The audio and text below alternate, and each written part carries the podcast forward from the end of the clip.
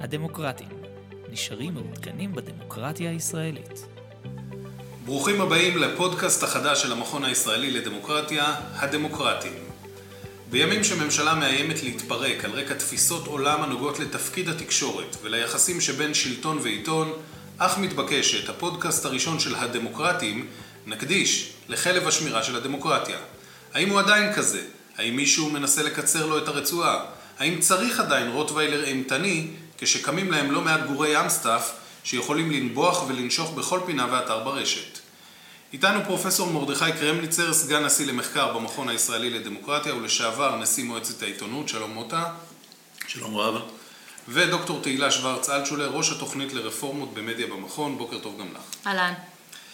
נתחיל איתך תהילה, רשות השידור קיימת כבר מעל יובל שנים, בערך 25 מתוכן ממליצים גורמים שונים לערוך ברפורמות, לסגור, לפתוח, לשנות הסכמים, והנה מגיע ילד חדש, תאגיד השידור, מה הבשורה המרכזית החדשה שתאגיד השידור הזה מביא איתו?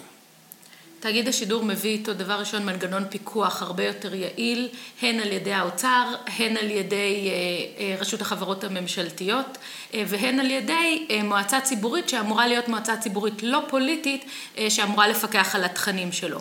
אה, בנוסף לזה, אנחנו נמצאים היום בשנת 2017, הדיגיטל מקיף אותנו מכל העברים, אה, ואחד הכישלונות הגדולים של רשות השידור היה חוסר היכולת שלה להתארגן לקראת העולם הדיגיטלי. התאגיד מביא איתו בשורה של מערכת חדשות אחודה, כלומר רדיו, טלוויזיה, אינטרנט כמקשה אחת, של יכולת לעבוד גם... אה, גם בדיגיטל. אה, בנוסף, התאגיד מביא איתו בשורה אה, של ניהול כספי שונה מזה של רשות השידור. בהתאם לחוק יש מכסה של תקרה של כסף שיכול להיות משולם למשכורות, יש תקרה שחייבת להיות משולמת למערכת החדשות ויש גם הבטחה לסכומים גבוהים הרבה יותר ממה שאנחנו מכירים אה, להפקה ישראלית מקורית. אם הדבר הזה יצליח, זה ישנה לגמרי את שוק ההפקה בארץ. מוטה, אני חושב שעד שאנחנו מתווכחים בין אה, תאגיד לרשות שידור ולנושאים כאלה ואחרים, וכמובן משברים פוליטיים, לא מעט אנשים אומרים לעצמם שבמדינה כמו ישראל, עם כל כך הרבה צרות וכל כך הרבה מחסור בכסף לקשישים ורווחה וחינוך, למה מדינת ישראל בכלל משקיעה שקל על שידור ציבורי. יש היום פלטפורמות רחבות, כל אחד יכול לפתוח, לשדר, להגיד, למה מדינה בעידן של היום צריכה עדיין לשים כסף על שידור ציבורי?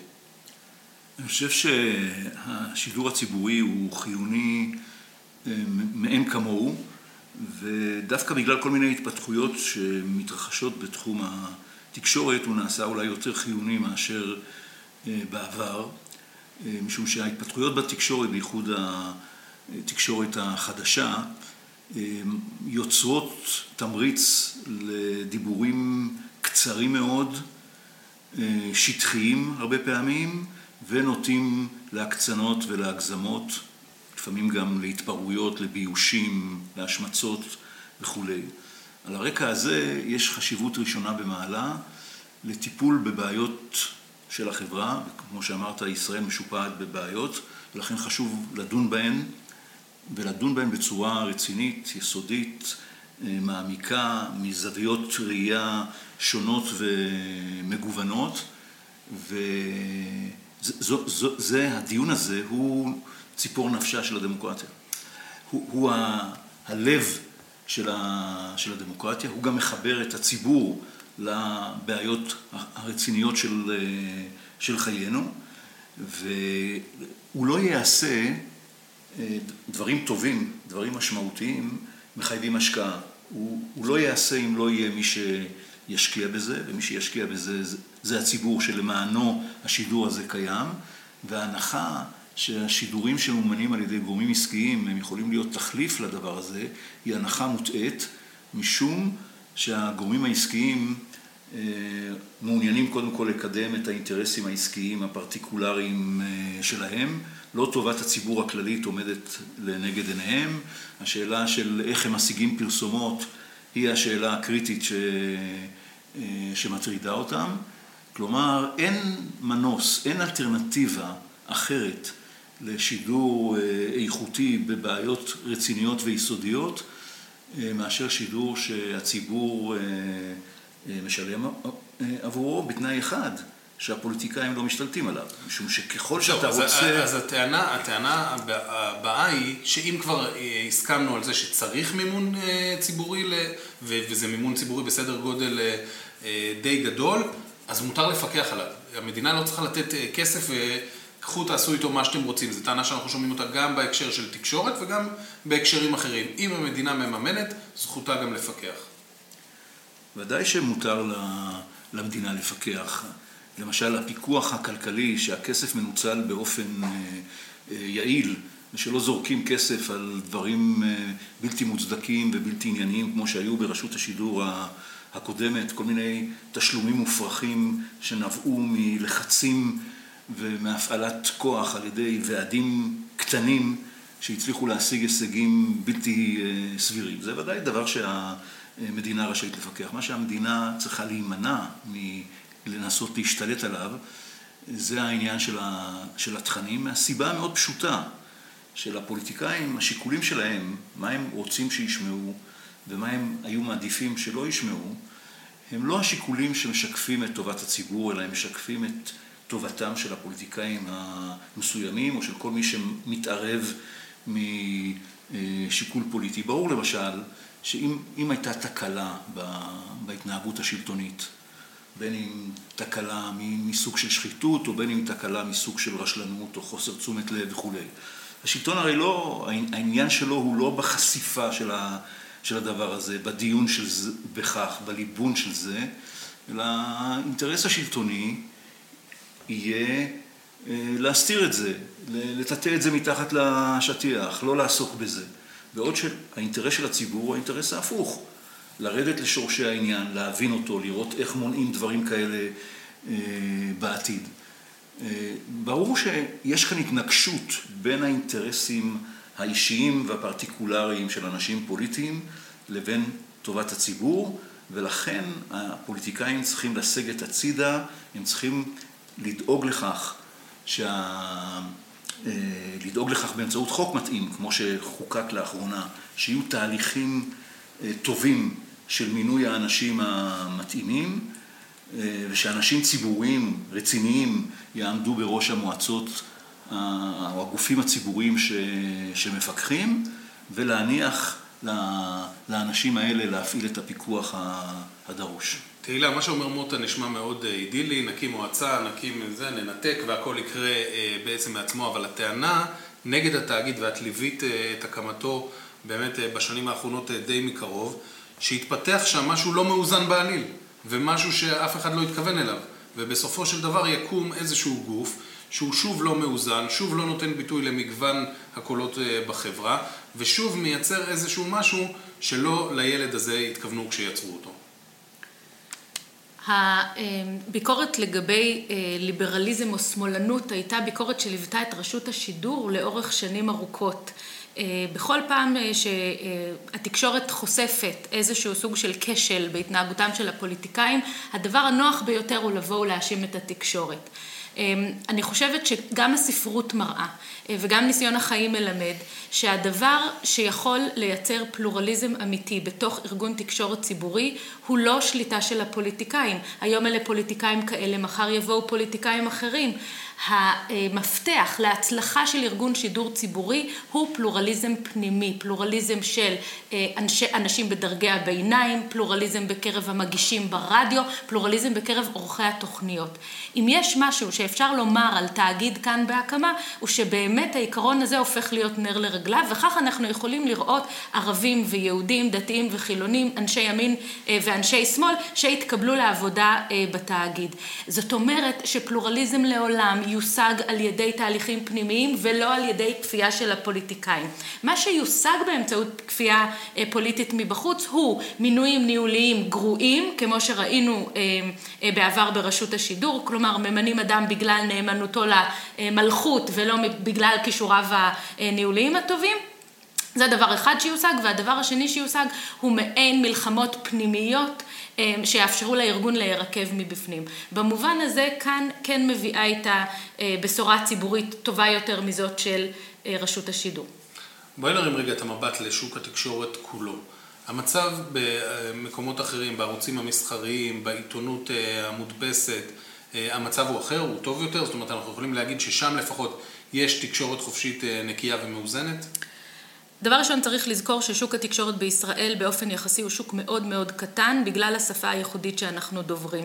זה לכתחילה מוביל את השוק למצבים של נטייה לריכוזיות מפני שקשה מאוד לארגון תקשורת לשרוד כאשר כמות הצרכנים שלו היא נמוכה. השוק החופשי ביותר שקיים היום בישראל מבחינת תקשורת הוא שוק העיתונות המודפסת. בחודשים האחרונים כולנו עדים לרמות ההשחתה שהשוק הזה הגיע אליהם. אנחנו מדברים על שחקן גדול אחד שלמעשה פועל ללא מודל עסקי תוך תמיכה פרסונלית בראש הממשלה, לא באג'נדה של ימין אלא בראש הממשלה, ולעומתו שחקן שני שנאבק על ההישרדות הכלכלית שלו, הוא מוכן לצורך כך בעצם להקריב את חוט השדרה העיתונאי שלו בתמורה לכסף. אם אנחנו רוצים ללמוד משהו משוק העיתונות המודפסת, זה ששוק ללא פיקוח, כשהוא הופך להיות קטן מדי, וחלק מהשחקנים באמת לא פועלים ממניעים, הייתי אומרת, עסקיים טהורים, השוק הזה עובר השחתה מאוד מהר. זה בעצם מה שצפוי לנו בשוק הטלוויזיה בהיעדר שום רגולציה. עכשיו, לרגולציה ולהסדרה יש הרבה מאוד מחירים. חלק מזה זאת בירוקרטיה מעצבנת, חלקים אחרים זה באמת ניסיונות של פוליטיקאים לשלוט בתהליכים. החוכמה צריכה להיות בעצם למלא את התכליות של שחקנים חזקים שמסוגלים לתת ביקורת טובה על השלטון, לא הרבה כלבלבי שמירה, אלא כמה כלבי שמירה שבאמת מסוגלים להשקיע כסף בתחקירים, שיהיה להם עמוד שדרה וחוסר פחד מתביעות דיבה, שיסכימו לעמוד מול נציגי שלטון ולהגיד את האמת שלהם, ואת הדבר הזה אפשר להשיג באמת באמצעות רגולציה מאוד מאוד חכמה ומאוד עדינה. האסון שלנו שאנחנו הולכים לכיוון ההפוך.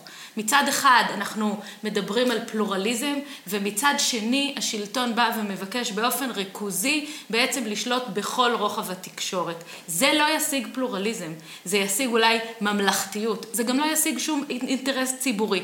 והסכנה הגדולה שבשליטה ריכוזית ברגולציית התקשורת היא סכנה שמכירים אותה בכל העולם המערבי, ב-OECD, במדינות האיחוד האירופי, וכל אחת מן המדינות באמת מנסה באמצעים שיש לה ובהתאם לתרבות הפוליטית שלה לנסות ולשים את המעצורים ואת המסכים בין ההתערבות של הפוליטיקאים שנמצאים בניגוד עניינים כי הם צריכים לאסדר את מי שאמורים לבקר אותם לבין התקשורת. מוטה, אולי נסיים בזה ש... בסוף, בסוף, בסוף זה חלק מאיזשהו משבר שחוות דמוקרטיות בעולם באופן כללי. זה הרי לא המצאנו את הבעיה כאן בישראל, ויכול להיות שזה איזשהו חלק מתהליך שאנחנו רואים בעולם, שדמוקרטיות קצת הולכות ונחלשות בשנים האחרונות. אני מיד אענה לך על זה, אני רק רוצה לומר שאתה לגמרי צודק בכך שיש לנו אינטרס גדול שיהיה גיוון של השקפות ועמדות, זה, זה, זה קריטי. אבל ההנחה שזה מה שהפוליטיקאים רוצים, או שזה מה ששליטה פוליטית תיתן, היא הנחה לא מציאותית לחלוטין. לפוליטיקאים אין עניין במגוון. לפוליטיקאים יש עניין בזה שיברכו אותם, ישבחו אותם ויקלסו אותם, אלה שבשלטון, וש, ושלא יינתן פתחון פה לאלה שרוצים לבקר אותם. אתה צודק גם בזה שמה שאנחנו חווים בישראל בתקופה האחרונה הוא לא ייחודי לנו. יש אה, היחלשות או תופעות בעייתיות שקורות במדינות דמוקרטיות אחרות, גם במדינות דמוקרטיות מאוד חזקות ויציבות, או לפחות כאלה שכך ראינו אותן, וגם בדמוקרטיות יותר צעירות ו... ומתפתחות. אחד מהסממנים של המשבר הזה הוא חוסר סובלנות לביקורת. אנחנו רואים את זה במקומות שונים. ואני חושב שאולי בארצות הברית אנחנו רואים את זה בצורה הכי בוטה והכי גסה של בעצם התנכרות לתפקיד התקשורת שיש לו איזשהו קשר עם איזושהי אמת, עם איזשהם נתונים עובדתיים שאפשר לתאר אותם כאמת וניסיון להשוות ברמה עקרונית בין אמת לבין היפוכה. זהו עולם שמעמיד בצל את העולם האורווליאני, אה, כלומר שהוא עולה עליו במידת המציאות שעולה על כל, על, על כל דמיון כדבר שלילי.